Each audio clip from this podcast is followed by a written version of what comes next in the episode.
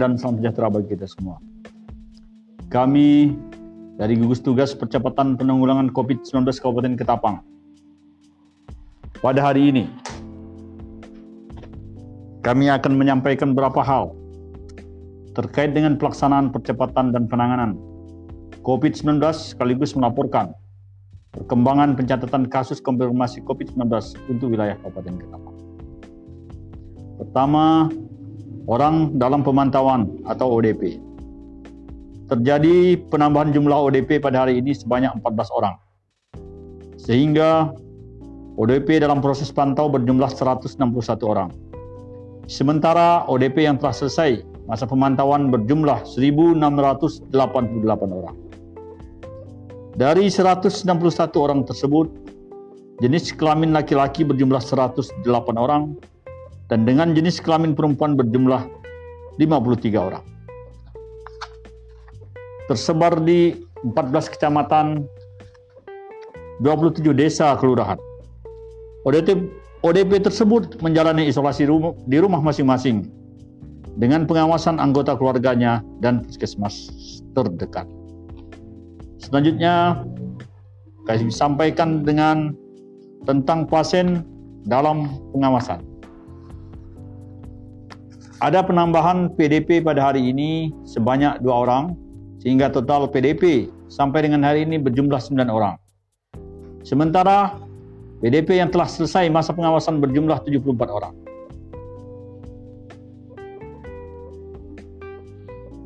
Dari 9 orang, PDP dalam pengawasan berjenis kelamin laki-laki berjumlah 6 orang dan dengan jenis kelamin perempuan berjumlah 3 orang tersebar di enam kecamatan.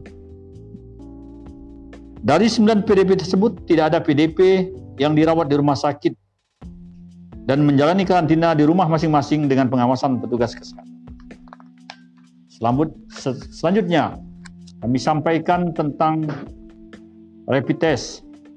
Terjadi penambahan satu orang rapid test reaktif Nomor 135, seorang perempuan umur 42 tahun dari Kecamatan Delta Pawan.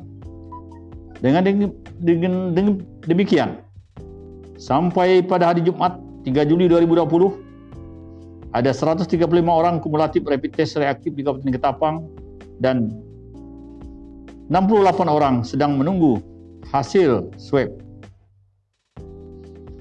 Selanjutnya, pada saat ini kami sampaikan juga bahawa rapid test di Kabupaten Tapang telah dilakukan terhadap 6.988 orang sampai dengan tanggal 2 Juli 2020. Kami sampaikan tentang pemeriksaan swab. Sampai dengan tanggal 2 Juli 2020, Dinas Kesehatan Kabupaten Ketapang telah melakukan pengambilan dan pengiriman sampel swab sebanyak 393 orang dengan jumlah sampel swab sebanyak 993 sampel. Dari 993 sampel tersebut, 336 sampel sedang menunggu hasil dan 657 sampel telah keluar hasilnya dengan rincian sebagai berikut. 126 sampel positif atau 39 kasus konfirmasi positif dan sebanyak 531 sampel dengan hasil negatif.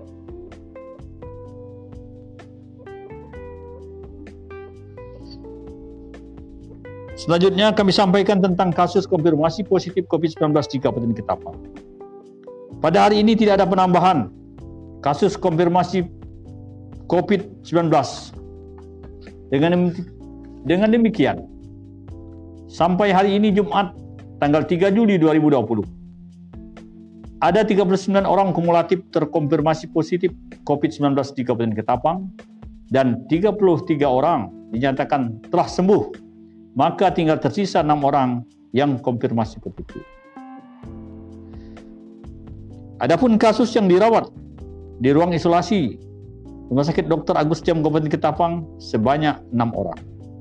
Selanjutnya kami menyampaikan himbauan-himbauan kepada masyarakat kami pemerintah daerah tidak henti-hentinya mengajak kepada seluruh masyarakat untuk terus bergotong royong, saling membantu sesama dalam melaksanakan protokol kesehatan dan menerapkan perilaku hidup sehat, hidup bersih dan sehat agar kita terhindar dari COVID-19.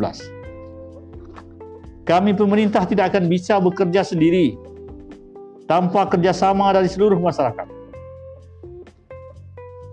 Masyarakat Kabupaten Kap Ketapang, kami mohon bantuannya untuk seluruh elemen masyarakat untuk tidak henti-hentinya memberikan edukasi kepada masyarakat sekitarnya yang masih belum mematuhi atau melaksanakan protokol kesehatan. Pada saat ini kita bergerak menuju masa adaptasi kebiasaan baru atau new normal. Maka penting memahami apa artinya dalam kehidupan sehari-hari.